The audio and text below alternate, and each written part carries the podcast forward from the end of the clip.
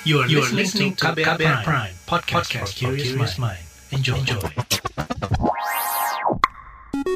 Saatnya Anda dengarkan Ruang Publik KBR yang dipersembahkan oleh Palang Merah Indonesia. Didukung oleh USAID dan IFRC. Halo selamat pagi saudara. Kembali lagi Anda bergabung bersama saya Rizal Wijaya di Ruang Publik KBR Dan sebelumnya saya mengucapkan selamat tahun baru 2022 untuk semuanya. Semoga tahun ini kita akan uh, menjadi lebih baik ke depannya ya.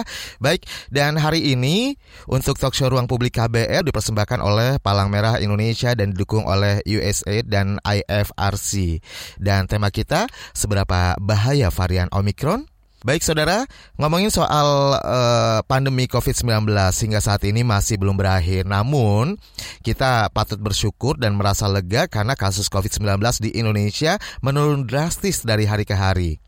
Meskipun kasus COVID-19 semakin melandai, tapi kita tetap harus waspada dengan hadirnya varian yang bernama Omicron.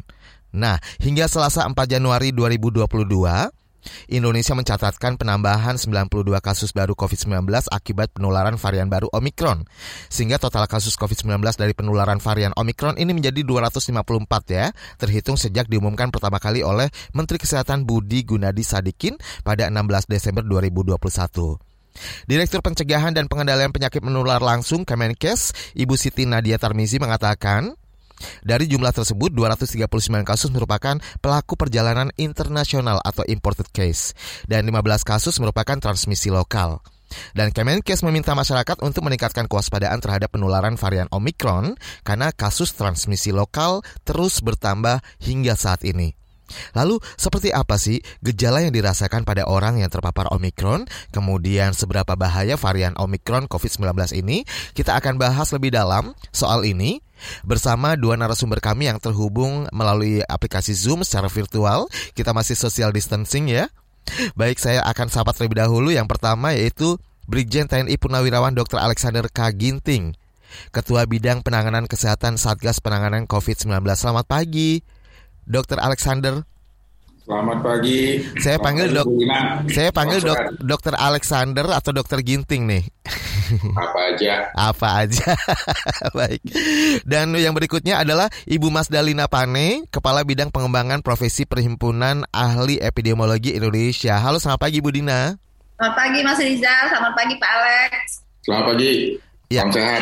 Salam sehat. Salam sehat untuk kita semua. Baik, dan yang pertama saya ke Dokter Alexander terlebih dahulu nih. Dokter, sebelumnya bisa dijelaskan nih mengapa virus corona ini terus bermutasi? Dok kayaknya nggak berhenti berhenti ya. Kita udah merasa sedikit lega nih karena kasusnya makin melandai di Indonesia. Eh tahu-tahu muncul lagi. Omikron lah delta lah. Ini seperti apa penjelasannya? Masyarakat butuh tahu nih. Ya jadi uh, yang penting masyarakat harus tahu dan paham bahwa kita masih dalam situasi pandemi dan ini sudah berjalan hampir hampir dua tahun lebih ya dan kondisi ini tentunya naik turun seiring juga dengan dinamika yang terjadi di lapangan, baik juga di regional maupun juga di dunia. Jadi ini yang harus kita pahami. Jadi tanpa melihat apa pun uh, variannya, apa pun bentuk uh, serangannya, kita ini masih dalam situasi pandemi. Mau landai atau nggak landai, itu kita masih dalam situasi pandemi. Artinya ini bisa bisa bergejolak. Demikian juga positivity rate yang ada di masyarakat juga naik turun naik turun. Sekarang memang Indonesia 0,13 persen, WHO bilang standar 5 persen. Tapi ini juga nanti bisa melonjak dalam beberapa waktu mengingat pengalaman kita setiap libur panjang begitu selesai itu langsung naik. Jadi uh, kalau mengenai varian, sebenarnya Indonesia pengalamannya sudah cukup banyak mengenai varian. Karena masalah varian itu tidak hanya varian Omicron aja yang bisa ditemukan di Indonesia. Kita juga melaporkan ada varian beta, ada alpha, dan kemudian kita dikejutkan dengan masuknya delta di Indonesia sekitar bulan 4-5, kemudian mencapai puncaknya di bulan 7.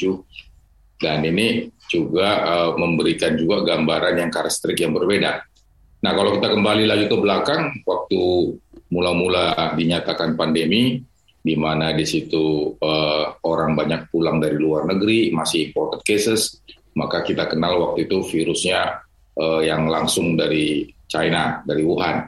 Nah ini juga uh, memberikan gambaran karakteristik klinik yang berbeda dan demikian juga sekarang dengan Omicron. Jadi Omicron ini pertama kali dilaporkan dari Afrika Selatan dan kemudian oleh Organisasi Kesehatan Dunia dilaporkan sebagai varian of concern di akhir November dan kemudian dengan cepatnya dia langsung menyebar tentu ke Eropa, ke beberapa negara tetangga di Afrika Selatan dan sekarang sudah hampir 135 negara melaporkan ada kasus Omicron. Jadi eh, yang disampaikan oleh beberapa peneliti dari Afrika Selatan bahwa benar virus ini mudah bermutasi dan kemudian di dalam virus ini sendiri juga banyak ditemukan eh, gen-gen uh, yang sudah mutan. Dan yang membedakan dia dengan varian sebelumnya adalah kecepatannya menular dan kemudian kecepatannya untuk bereplikasi tetapi gambaran klinis sampai saat ini tidak menggambarkan uh, sebagaimana waktu uh, Delta kita di bulan 7. Kalau kita masih ingat sewaktu kita mendapat serangan lonjakan yang eksponensial, kita lihat rumah sakit penuh. Dan orang di UGD antri untuk oksigen, kemudian masuk ke ICU. Tapi kalau kita lihat gambaran yang di Inggris ataupun di Prancis, uh, tidak sedemikian. Yang ada adalah memang uh, okupansi rate untuk rumah sakitnya tinggi, tapi tidak semua uh, mengambil tempat di ICU. Jadi ini ini yang kita lihat.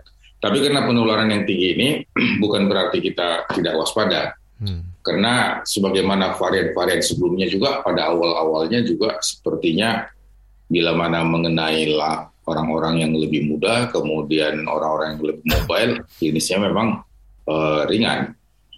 Dan kemudian setelah dia masuk ke rumah tangga terjadi klaster rumah tangga masuk ke komunitas maka yang menjadi korban adalah mereka yang komorbid mereka yang usia lanjut dan mereka juga yang rentan dengan masalah infeksi virus tersebut. Sehingga terjadilah angka mortalitas yang tinggi morbiditas yang tinggi. Jadi memang uh, virus ini agak berbeda dengan virus-virus lainnya jadi tidak bisa kita bandingkan dengan swine flu hmm. ataupun kita bandingkan juga dengan influenza lainnya, uh, di mana uh, pada waktu influenza kita bisa melakukan containment begitu cepat, tetapi pada kasus ini memang kita sudah membutuhkan waktu berbulan-bulan dengan pasang sologian. Kita sangka sudah mau selesai, tetapi juga ternyata masih belum. Nah, yang kemudian yang menjadi catatan bahwa kalau kita lihat dashboardnya Kementerian Kesehatan, bahwa masih dilaporkan di Indonesia itu ada varian Delta, kemudian masih ada laporan varian Beta dari berbagai uh, pemeriksaan genome whole sequencing. Jadi tidak semuanya kalau dilaporkan oleh pemerintah bahwa hari ini ditemukan kasus aktif, maka semuanya itu adalah Omikron. Hmm. Tidak. Jadi uh, masih ada varian-varian lainnya. Hanya harus diingat bahwa genome whole sequencing tidak menjadi pemeriksaan secara menyeluruh, secara rutin sebagaimana pemeriksaan PCR. Jadi ini lebih untuk kepentingan para ahli epidemiologi, kepentingan klinisi, dan kepentingan pemerintah dalam rangka proses pengambilan keputusan.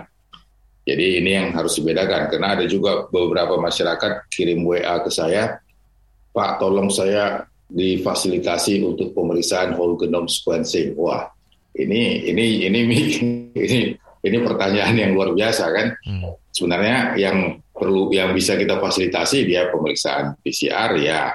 Kemudian kalau dia sampai minta saya baru baru ketemu dengan seseorang apakah saya bisa diperiksakan whole genome sequencing. Jadi uh, whole genome sequencing itu bukan pemeriksaan rutin.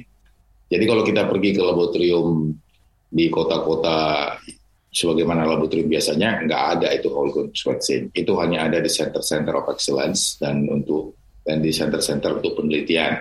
Ini juga yang perlu disampaikan ke masyarakat karena sekarang masyarakat beberapa kelompok itu yang khawatir baru ada gejala bukan meminta untuk melakukan testing sebagaimana testing rutin, tapi yang dimintanya, e, dok, boleh nggak saya pemeriksaan e, PCR SGTF atau pemeriksaan whole genome sequencing? Hmm. Ya, jadi memang di media memang kita menulis semua ini dalam rangka meyakinkan masyarakat bagaimana pemerintah hadir untuk meningkatkan kapasitas testing. Okay. Tapi tidak semua testing itu uh, untuk pemeriksaan rutin. Jadi yang penting bagi masyarakat adalah pertama dia jangan terinfeksi, kedua kalau dia bergejala, kalau dia kontak erat, kalau dia misalnya dia sudah sakit, nah, itu baru dilakukan testing. Nah kalau kalau dari testing tersebut dia PCR-nya positif, maka boleh kita beranjak untuk pemeriksaan SGTF, apakah dia arahnya ke sana atau tidak. Tapi juga harus ada kronologi. Oke. Okay. Kronologinya ini harus ada juga dilampirkan. Misalnya lima hari yang lalu saya ketemu dengan kakak saya yang baru pulang dari Irlandia. Kendati dia negatif, tapi ya bisa saja dia masih masih uh, sebagai kontak erat, bisa saja kita menjadi kontak erat juga.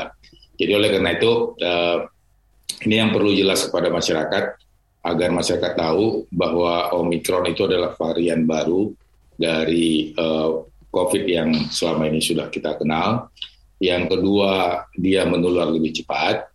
Yang ketiga, gejalanya tidak seberat Delta, tetapi nanti bisa saja ada terjadi koinfeksi dengan Delta. Yang berikut juga dalam rangka pencegahan dan penanggulangannya, apa pun variannya, apa pun virusnya tetap sama. Okay. Kita harus menerapkan protokol kesehatan, kita menjaga jarak, mencuci tangan, dan kemudian uh, memakai masker. Baik. Dan yang tidak kalah pentingnya juga adalah menyelesaikan tugas-tugas kita untuk vaksinasi. Bila mana belum vaksin, ya kita vaksinasi. Bila mana kita sudah sekali disuntik, kita minta suntik yang kedua. Kalau kita sudah dua kali suntik, kita bersiap-siap untuk booster, booster yang sudah ya? pemerintah. Baik. Jadi ini yang harus disampaikan kepada masyarakat biar masyarakat jelas. Terima ya. kasih. Dokter, jadi intinya yang uh, perlu digarisbawahi adalah bukan perkara uh, sekarang ada varian Omikron, varian Delta dan berbagai macam gitu ya.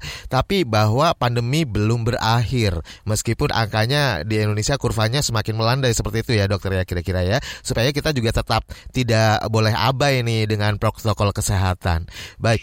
Nah, tapi sebenarnya kalau Ibu Ma, uh, Mas Dalina Pane ini seorang ahli epidemiologi Indonesia. Bagaimana pandangan Anda? Ini masyarakat sepertinya kan uh, sudah merasa lega dan bahkan uh, sudah optimis banget nih pandemi kayaknya bakal segera berakhir. Tapi sebenarnya pandemi ini berakhirnya kapan juga semuanya orang nggak ada yang tahu ya, Ibu Ibu Dina. Nah, bagaimana Anda uh, sebagai seorang ahli ini meyakinkan kepada masyarakat bahwa pandemi ini benar-benar akan berakhir sebenarnya? Seperti apa pandangan Anda atau tanggapan Anda? Baik, Mas Rizal uh, pandemi ini akan berakhir kalau WHO sudah menyatakan bahwa ini berakhir. Biasanya dia akan berakhir kalau uh, lebih dari setengah uh, populasi di dunia atau lebih setengah dari negara itu sudah mampu mengendalikan. Uh, kalau kita lihat sebenarnya uh, yang saat ini uh, bersirkulasi Delta dan Omikron ini itu pun tidak terjadi di semua negara. Uh, sebagian besar Eropa iya, kemudian Amerika uh, dan mungkin perlahan-lahan akan uh, mulai masuk ke Asia. Kalau kita lihat uh, India uh, dan uh, Filipina sudah memulai untuk uh, terjadi peningkatan kasus. Kita masih cukup bersyukur bahwa uh, kita masih bisa menahan ini sementara waktu di pintu masuk.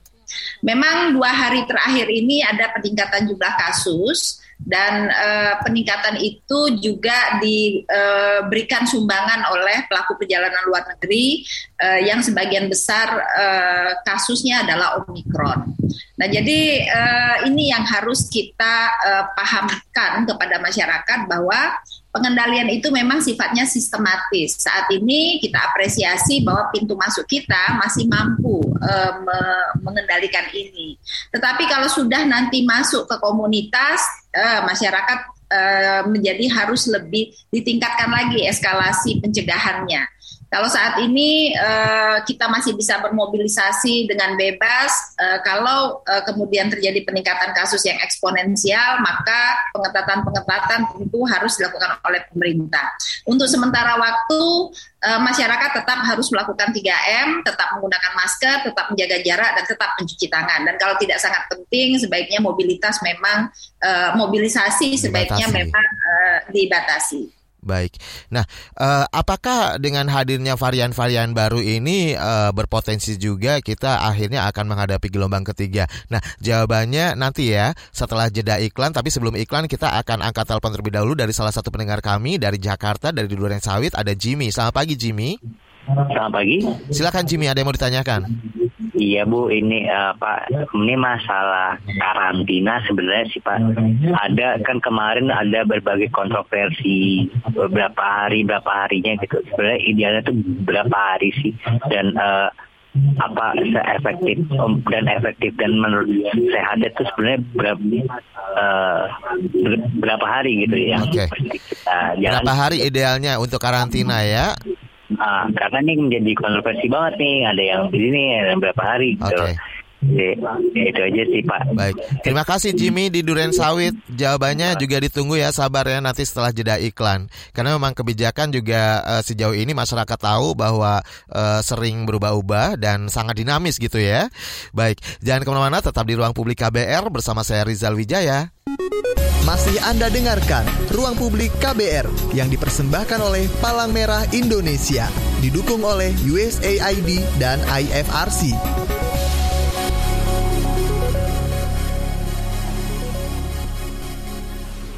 Commercial break. Commercial break.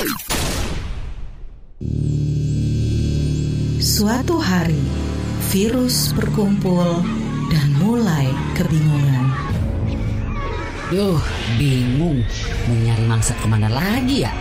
Iya nih, semua orang pada pakai masker. Aku ada ide. Kita nongkrong di rumah makan aja gimana? Ngeliatin orang-orang yang lengah nggak pakai masker. Wah, ide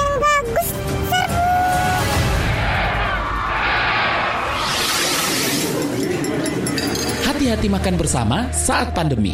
Sebaiknya pilih ruang terbuka, tetap jaga jarak kamu 1,5 meter jika duduk bersebelahan, 2 meter jika berhadapan. Batasi waktu makan bersama 30 menit saja dan jangan berbicara saat makan. Jika sudah selesai, gunakan kembali maskermu ya.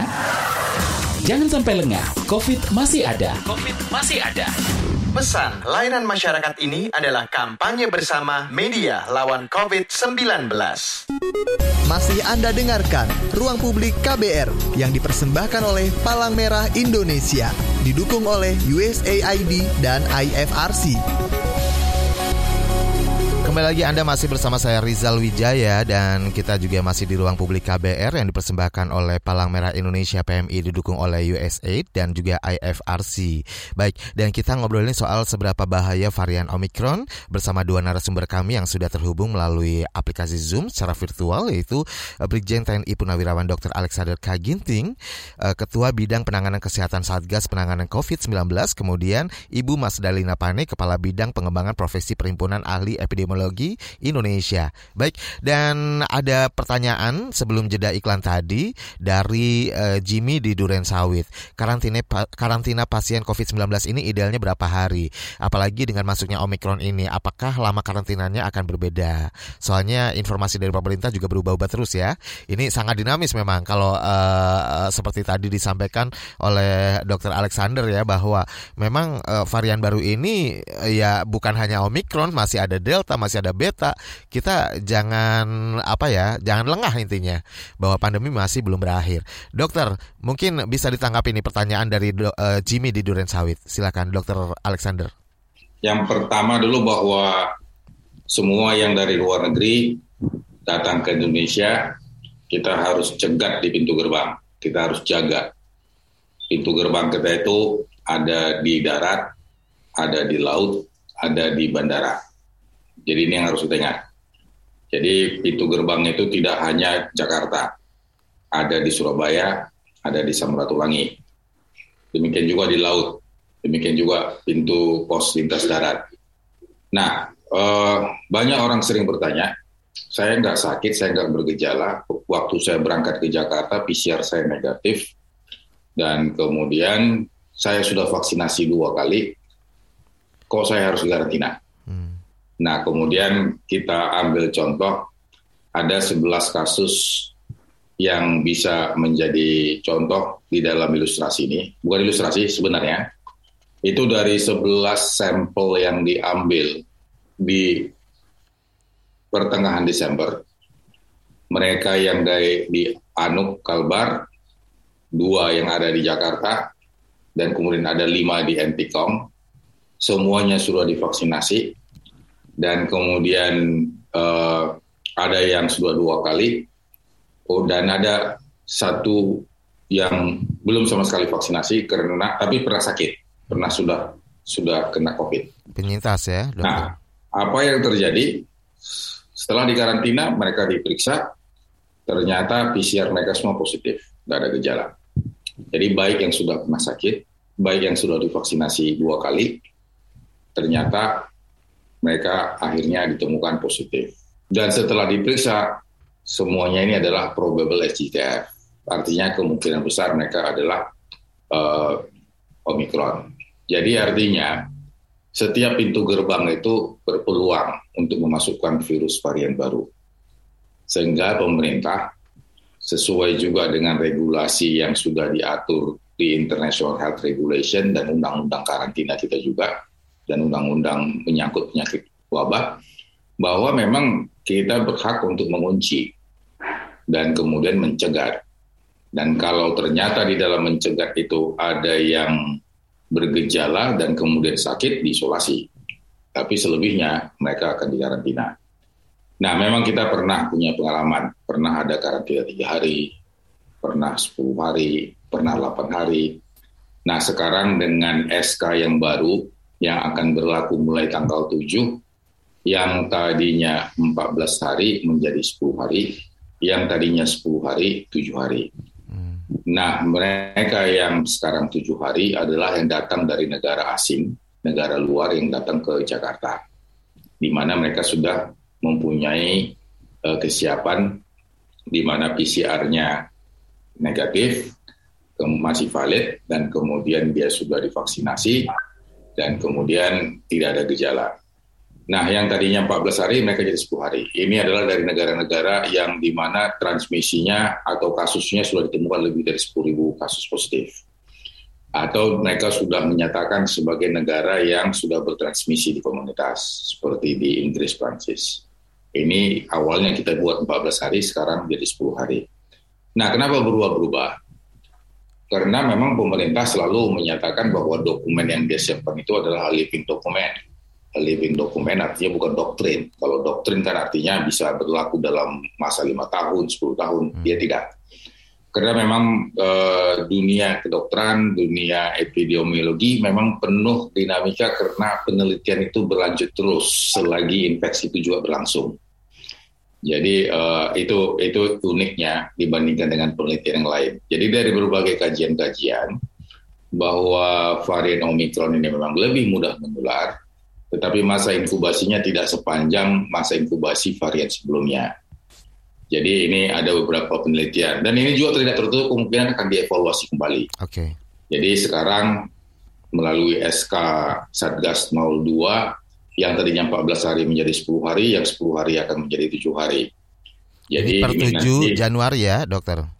Ya, per 7 Januari. Baik. Hanya yang penting disampaikan kepada masyarakat bahwa di dalam dunia medik dan di dalam dunia epidemiologi ini semua bisa berkembang dan berdinamika sesuai dengan kondisi dan situasi akhir, termasuk juga kepentingan politik, ekonomi, okay. dan kemudian juga kepentingan ilmu itu sendiri. Baik. Jadi ini yang harus masyarakat bisa perlu tahu ya bahwa uh, regulasi ini berubah-ubah. Nah, kemudian karantina ini sebenarnya dalam rangka melindungi warga itu sendiri menjaga kesehatannya, menjaga keamanannya. Sehingga Baik. karantina ini sudah disiapkan pemerintah. Oke. Okay. Hanya memang ada dua skema. Ada skema yang disiapkan pemerintah secara menyeluruh dengan menyiapkan di gedung-gedungnya, tapi ada juga yang berbayar. Jadi bagi mereka yang jalan-jalan ke luar negeri, yang belanja, yang ngejar-ngejar sales, yang ngejar-ngejar end year sales ya pulang ya di karantina hotel lah. Jangan pula mereka minta di uh, karantina yang disubsidi pemerintah. Oke. Okay. Yang disubsidi pemerintah itu adalah mereka pekerja migran Indonesia. Baik. Jadi mereka kerja di sana. Kemudian yang disubsidi pemerintah itu adalah mereka yang mahasiswa pelajar pulang cuti. Baik. Karena uh, di sana mereka lagi libur dan termasuk juga uh, pegawai pemerintah yang karena tugasnya karena dinasnya harus ber, harus harus keluar negeri dan kemudian kembali. Oke. Okay. Jadi ini harus dibedakan sehingga jangan muncul tiba-tiba kok tidak adil, kok yang mereka dibantu kita enggak. Ya kita yang yang pergi ke luar negeri kan belanja, ya. jalan-jalan. Baik menghabiskan buat, buat jalan-jalan aja bisa gitu ya dokter ya, ya. logikanya ya baik kalau dari ibu uh, Dina nih ibu Dina apa nih yang tanggapan anda uh, terhadap uh, salah satu pendengar kita tadi yang sudah telepon masa inkubasi itu uh, merupakan masa sejak masuknya bibit penyakit ke dalam tubuh kita sampai munculnya gejala uh, sejauh ini WHO belum mengubah masa inkubasi dari uh, COVID-19 ya termasuk Omikron masih 2 di 4 sampai 14 hari. Masa inkubasi ini penting uh, diketahui untuk uh, pelaksanaan testing dan untuk karantina. Jadi berapa masa inkubasi uh, masa karantina yang ideal? Tadi pertanyaannya ideal. Yeah. Yang ideal adalah satu kali masa inkubasi terpanjang yaitu 14 hari. Apakah masa inkubasi ini bisa dikurangi? Bisa uh, ada beberapa hal yang bisa uh, mengurangi masa uh, apa namanya masa karantina ini asalkan kita memang benar-benar siap. Yang pertama tentu uh, vaksin lengkap. Vaksin lengkap itu juga uh, bisa mengurangi masa karantina tetapi tetap saja mereka harus memantau status kesehatannya selama 14 hari. Kemudian yang kedua tentang sistem pelayanan kesehatan. Karena apa? Mengurangi masa inkubasi itu berarti kita bersiap untuk uh, menerima kemungkinan uh, apa namanya Omikron ini uh, merembes ke komunitas uh, dalam uh, beberapa uh, persen gitu ya. Jadi kalau misalnya dikurangin uh, 13 hari kemungkinan akan lima persen dia akan berimbas ke komunitas. Hmm. Kalau sistem pelayanan kita uh, siap artinya berapapun kasus yang uh, masuk ke Indonesia itu mampu kita tangani bahkan kita tidak butuh uh, karantin.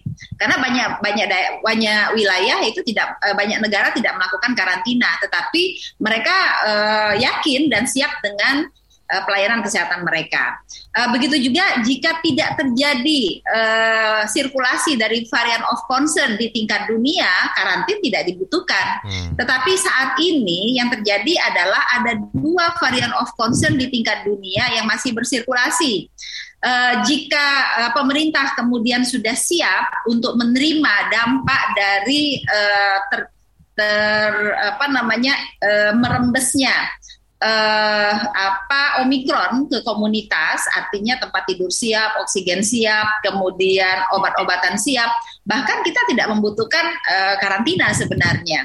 Uh, tetapi uh, itu harus uh, memang benar-benar diyakinkan. Jangan sampai seperti Baik. di bulan uh, Juni Juli ya uh, ketika varian uh, Delta memuncak uh, ketika varian Delta uh, kasusnya memuncak uh, tempat tidur kita tidak cukup obat hilang oksigen susah didapat kematian selama tiga minggu berturut-turut kita selalu uh, menempati urutan tertinggi Nah itu menandakan bahwa kita tidak siap untuk itu. Karena Tetapi, potensi itu selalu ada gitu ya Ibu ya?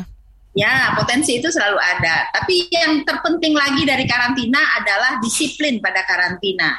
Jadi bukan hanya di atas kertas saja, 10 hari atau 14 hari, tapi kemudian banyak sekali penyimpangan dalam proses karantina. Seperti apa? Seperti diskresi, Baik kemudian juga eh, apa banyak di media massa kita temukan ya eh, yang saat ini sedang eh, menjadi statement presiden itu ada eh, pengganti karantina ada jokinya juga gitu. Nah, itu dia. Nah, itu itu cukup berbahaya sebenarnya Baik. dalam proses karantina. Ya, jadi pandemi ini dengan segala permasalahannya sebenarnya sudah uh, dilakukan bentuk-bentuk uh, pengendalian oleh pemerintah. Upaya apa saja yang sudah dilakukan? Salah satunya yaitu tadi regulasi uh, mengenai karantina dan sebagainya. Tapi ternyata uh, di masyarakat tahu bahwa uh, sudah menjadi rahasia umum tidak sesuai dengan ini ya apa ya yang menjadi aturan gitu ya ibu ya bahkan ada sampai yang bocor kabur gitu kan. ini kan jadi bahaya juga. Baik, dan nanti kita akan bahas lebih dalam soal Omicron ini. Uh, ada beberapa juga uh, WhatsApp yang masuk. Nah, saya akan bacakan satu pertanyaan terlebih dahulu nih dari Nina di Sleepy untuk mencegah agar tidak terkena varian COVID yang Omicron ini apakah sama dengan varian COVID lainnya seperti penggunaan jenis masker dan sebagainya. Kemudian banyak varian yang asalnya dari luar negeri, apa baiknya kita tidak menerima WNA dan tidak memperbolehkan WNI ke luar negeri karena memang hingga saat ini hilir mudik WNI masih banyak ternyata yang ke luar negeri liburan, apalagi liburan awal tahun dan akhir tahun kemarin ya. Oke, jangan ke mana-mana kita akan bahas lebih dalam setelah jeda berikut ini. Masih Anda dengarkan Ruang Publik KBR yang dipersembahkan oleh Palang Merah Indonesia. Didukung oleh USAID dan IFRC. Kita setengah perjalanan di ruang publik KBR pagi hari ini masih bersama narasumber Brigjen TNI Purnawirawan Dr. Alexander Kaginting, Ketua Bidang Penanganan Kesehatan Satgas Penanganan COVID-19 dan kemudian yang kedua Ibu Mas Dalina Pane, Kepala Bidang Pengembangan Profesi Perhimpunan Ahli Epidemiologi Indonesia. Baik, sebelum jeda tadi ada pertanyaan dari uh, Mbak Nina yang sudah dikirimkan melalui WhatsApp ya di Sleepy untuk mencegah agar tidak terkena varian COVID yang Omicron ini apakah uh, sama dengan varian COVID lainnya seperti penggunaan jenis masker dan sebagainya. Kemudian banyak varian yang asalnya dari luar negeri. Apa baiknya kita tidak menerima WNA dan tidak memperolehkan WNI ke luar negeri? Silakan. Siapa dulu nih yang akan menjawab? Mungkin uh, saya ke Ibu Dina terlebih dahulu nih Ibu Dina. Ya, artinya apakah kita harus melarang uh, warga negara kita untuk pergi ke luar negeri? Melarang secara penuh mungkin tidak mungkin untuk dilakukan karena di akhir tahun biasanya pekerja migran kita itu mendapatkan cuti ataupun uh, berakhir kontraknya. Karena itu uh, menerima mereka tentu merupakan tanggung jawab negara juga. Kemudian yang kedua uh, hubungan antar negara juga tentu tidak bisa uh, terhenti hanya karena adanya uh, varian of concern.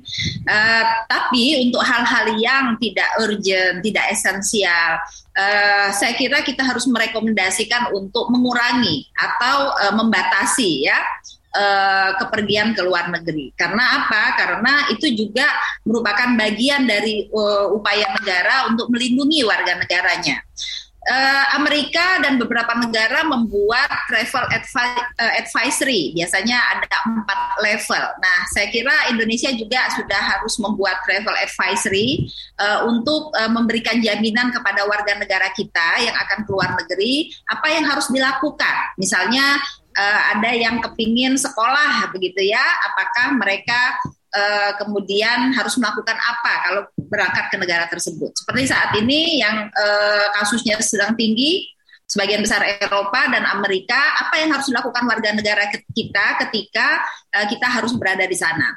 Apakah harus ditambah vaksin? Apakah kemudian harus uh, bahkan sampai menunda keberangkatan karena uh, advice dari pemerintah? Jadi uh, sebenarnya uh, kondisi pandemi itu tidak harus membuat kita kemudian seperti uh, di awal-awal semua negara melockdown dirinya dan saat ini uh, hampir semua negara tidak lagi melakukan kebijakan tersebut. Sedikit sekali negara yang masih melakukannya. Baik. Nah, kalau dari Dokter Alexander nih, seperti apa tanggapannya? Apakah juga seperti yang tadi ditanyakan oleh pendengar kita melalui WhatsApp, apakah penggunaan masker misalnya prokes itu tetap sama dengan uh, menghadapi varian-varian sebelumnya seperti delta dan juga uh, beta dan sebagainya? Ya, jadi kalau kita kembali ke data ya, sejumlah yang memang sudah dinyatakan positif Omikron, kita lihat uh, dari semua pendatang dari luar negeri itu hampir 88 persen itu WNI itu adalah uh, positif Omikron dan kemudian rentang usianya dari 41 sampai 50-an dan kemudian untuk laki-laki dan perempuan hampir sama saja dan kemudian gejalanya hampir seluruhnya adalah ringan, batuk, pilek, sakit tenggorokan. Jadi artinya dari gambaran yang sudah kita temukan di Indonesia itu, gambarannya artinya mereka yang datang dari luar negeri memang benar mereka terinfeksi dengan Omikron.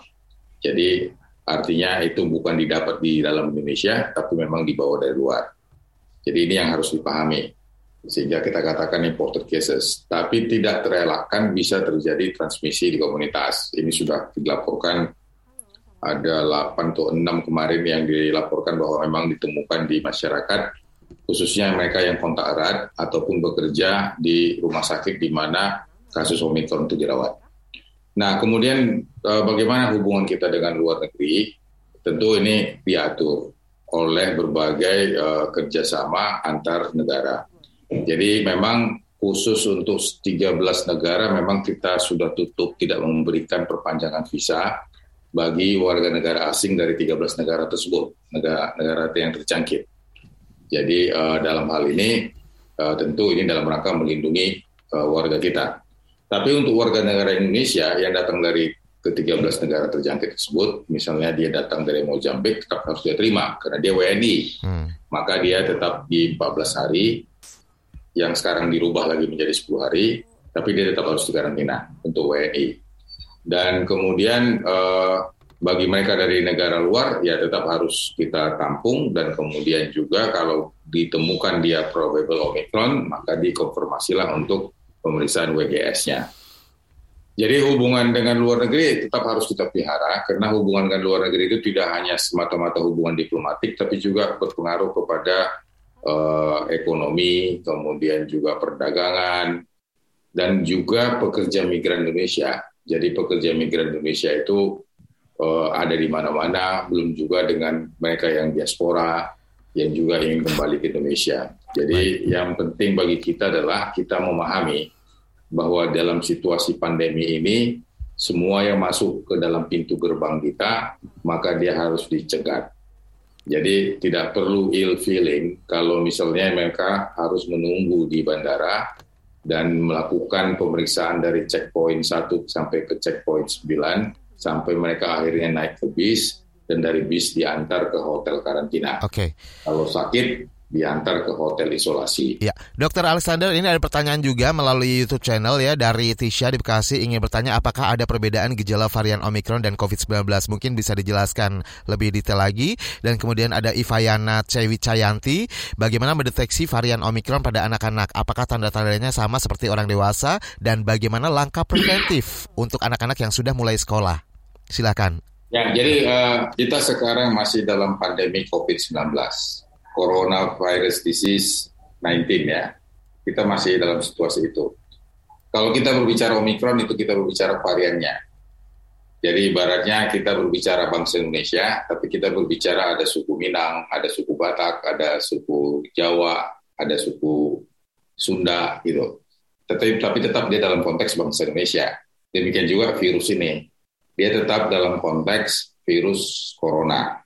Hanya virus corona itu karena dia bermutasi, karena dia berevolusi, dia mempunyai berbagai karakter. Ada yang hilang, ada yang terus berkembang, ada yang semakin virulen, ada yang semakin jinak. Jadi tidak lagi virulen seperti virus biasa. Jadi uh, ini yang harus kita waspadai. Oleh karena itu memang pemerintah selalu mengatakan kewaspadaan yang tinggi ini yang harus dibangun, bukan kekhawatirannya jadi dengan kewaspadaan yang tinggi, kita menerapkan protokol kesehatan apa pun variannya, kendati pun sudah vaksinasi. Jadi tetap harus menegakkan protokol kesehatan. Nah, mengenai gejala, tentu gejalanya eh, ada yang tidak bergejala dan lebih banyak tidak bergejala kalau untuk Omicron. Kalaupun bergejala, dia ada batuk, pilek, sakit tenggorokan. Tapi yang penting pada saat itu adalah uh, di samping dia menegakkan protokol kesehatan, dia ketemu dengan siapa saja dalam dua minggu terakhir. Okay. Jadi ini yang paling penting. Dan untuk anak-anak, sekarang kita lagi gerakan uh, vaksinasi anak, ya yaitu vaksinasi merdeka anak itu dari umur 6 sampai 11. Baik. Jadi ini melalui sekolah sudah di, disiapkan dan tentu dalam hal ini orang tua harus berpartisipasi aktif. Jadi vaksinasi anak itu jangan diserahkan ke guru, Oke. Okay. Jadi orang tuanya di sini harus harus benar-benar uh, membimbing mengantarkan anaknya. Dan orang tua ini yang harus menyampaikan apa gejala si anak. Baik. Kalau anaknya kurus, sampaikan kurus karena nggak mau makan. Kalau anaknya memang di rumah ada alergi, ya sampaikan. Itu yang paling penting. Jadi okay. uh, eh, vaksinasi anak ini disukseskan tapi orang tua harus berkontribusi dan berpartisipasi Ya, aktif. vaksinasi Jangan harus disukseskan ya, dokter ya. Tapi sebelumnya kita akan terhubung dengan Siswanto di Semarang. Selamat pagi Siswanto. Terima kasih, selamat pagi Bung Riza. Silakan. Siswanto. Alexander dan Ibu Lina, selamat pagi semua, salam sehat selalu. Ya, cepat saja. Ya, Silakan. baik. Eh, terima kasih Bung Riza. Eh, dokter dan Ibu mau menanyakan yang pertama mengenai eh, mekanisme tadi yang di awal eh, mengenai WGS itu akhirnya eh, boleh tahu nggak dokter eh, dari satu kondisi yang ada untuk pengambilan sampel itu jadi apakah secara random test pada satu eh, kasus populasi di satu wilayah atau bagaimana sehingga kami warga masyarakat awam ini bisa tahu bahwa pengambilan sampel WGS yang bagian dari 3T itu eh, bisa dilakukan begitu. Itu yang pertama. Yang kedua mengenai va- mutasi varian atau strain yang ada eh, barangkali ibu bisa atau dokter bisa menyampaikan eh, antara yang murni. Tempo hari masih dibahas eh, 95 98 kasusnya eh, full yang eh, imported begitu. Tapi bagaimana apakah dia dimungkinkan? Tidak sih untuk menjadi mutasi eh, versi lokalnya. Walaupun itu eh, eh, eh, eh, apa namanya eh, omikron begitu. Sehingga eh, ada versi luarnya eh, imported ada versi lokalnya begitu dimungkinkan tidak itu menjadi bermutasi di lokal populasi setempat itu saja Baik. sukses selalu terima kasih Ya. banyak selamat pagi Terima kasih Mas Siswanto di Semarang. Jawabannya setelah jeda iklan ya di bagian akhir ruang publik KBR pagi hari ini. Jangan ke mana-mana. Masih Anda dengarkan Ruang Publik KBR yang dipersembahkan oleh Palang Merah Indonesia, didukung oleh USAID dan IFRC.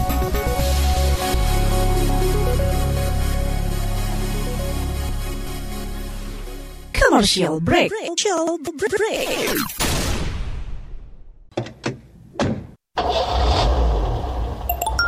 Sudah tahu yang satu ini? Sekarang kabar baru ada di playlist teman perjalananmu. Kamu masih bisa update dengar berita terbaru sambil dengerin lagu kesukaanmu. Semua bisa kamu dengerin di playlist Daily Drive Spotify. Masih Anda dengarkan Ruang Publik KBR yang dipersembahkan oleh Palang Merah Indonesia, didukung oleh USAID dan IFRC. Tidak terasa ternyata kita sudah sampai di bagian akhir ruang publik KBR. Dan sebelum jeda tadi ada pertanyaan dari Siswanto di Semarang.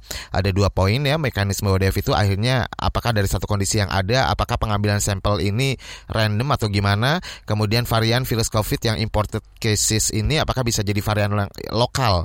Misalnya varian Delta gitu. Seperti varian-varian sebelumnya mungkin ya. Seperti apa nih tanggapannya? Yang pertama silakan siapa dulu nih? Antara dokter Alexander atau Ibu Dina. Ibu Dina terlebih dahulu silakan. Baik, sebenarnya eh, sejak awal eh, pandemi ini eh, sudah ada lebih dari 6.800 eh, spesimen yang diperiksa eh, sequencingnya. Dan eh, sudah terjadi mutasi lebih dari 180 eh, ribu mutasi. Eh, dan eh, untuk yang mutasi yang baru ini ada sekitar 15 ribuan. Uh, tetapi yang menjadi concern kita adalah uh, varian-varian yang uh, varian of concern yang memenuhi kriteria ada lima atau enam kriteria untuk menjadi varian of concern. Saat ini WHO baru menetapkan lima yang menjadi varian of concern. Karena itu semua kita akan uh, konsentrasi pada hal tersebut. Bagaimana untuk Omikron? Apakah dia kemungkinan bisa uh, bermutasi di Indonesia? Oh bisa. Uh, mutasi itu adalah proses alamiah. Dia merupakan bagian dari adaptasi virus uh, ketika dia masuk ke dalam tubuh kita.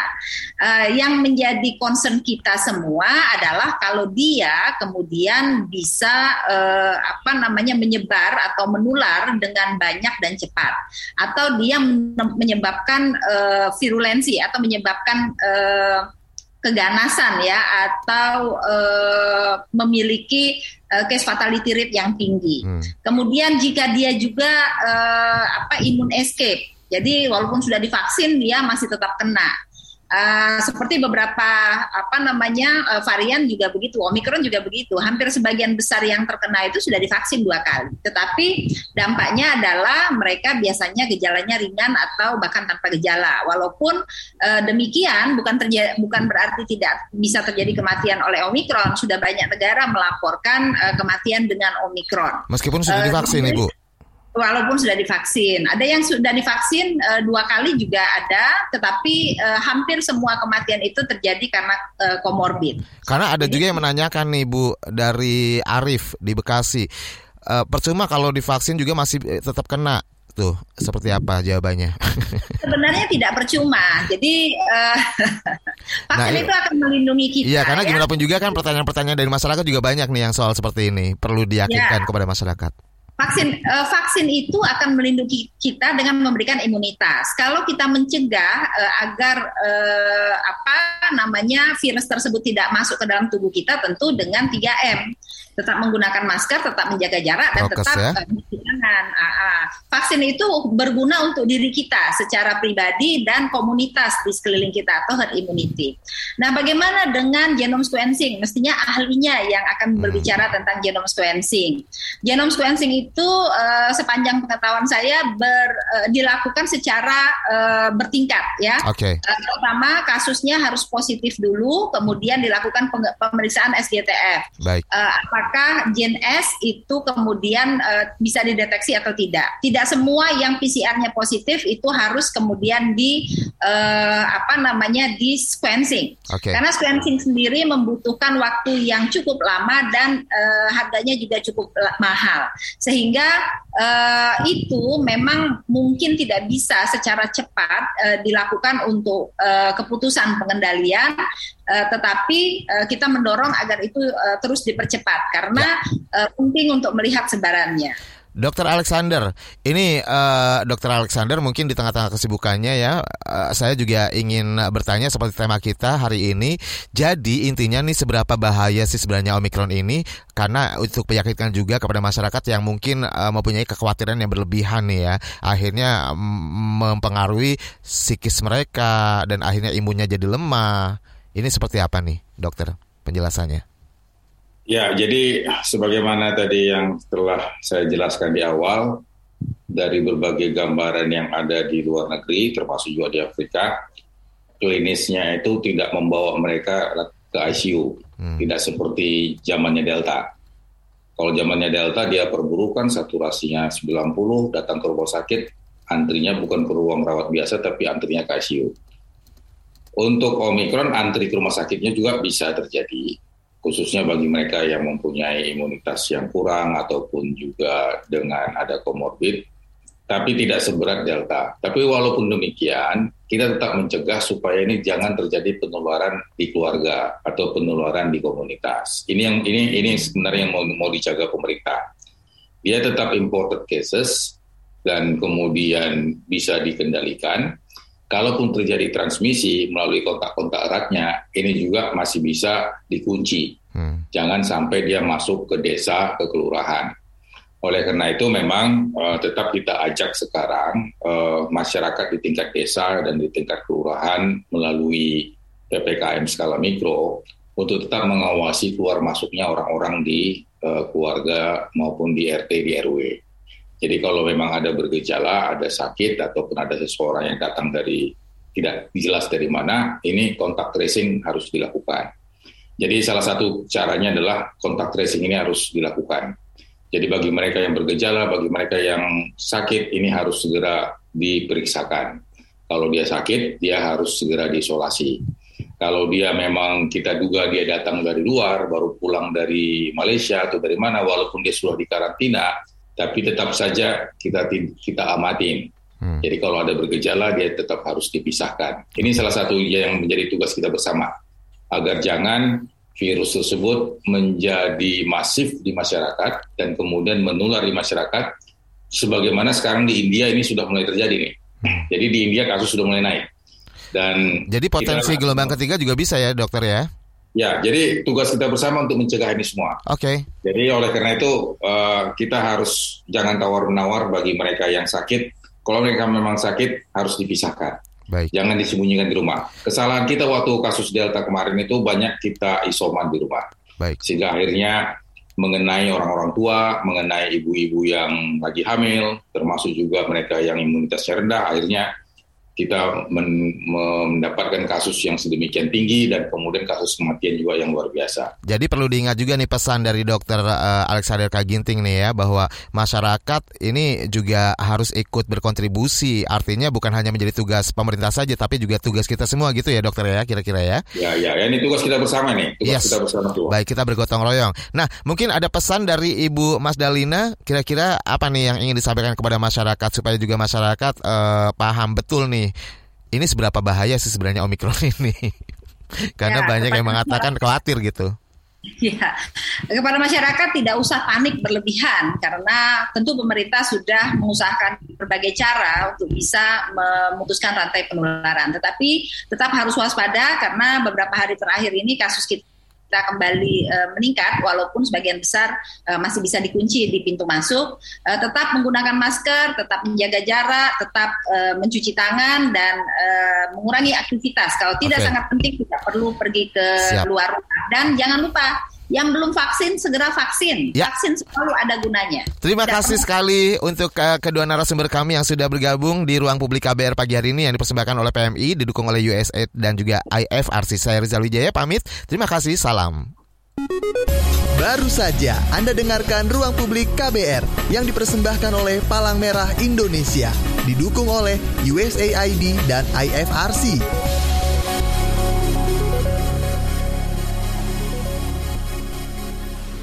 KBR Prime, cara asik mendengar berita. KBR Prime, podcast for curious mind.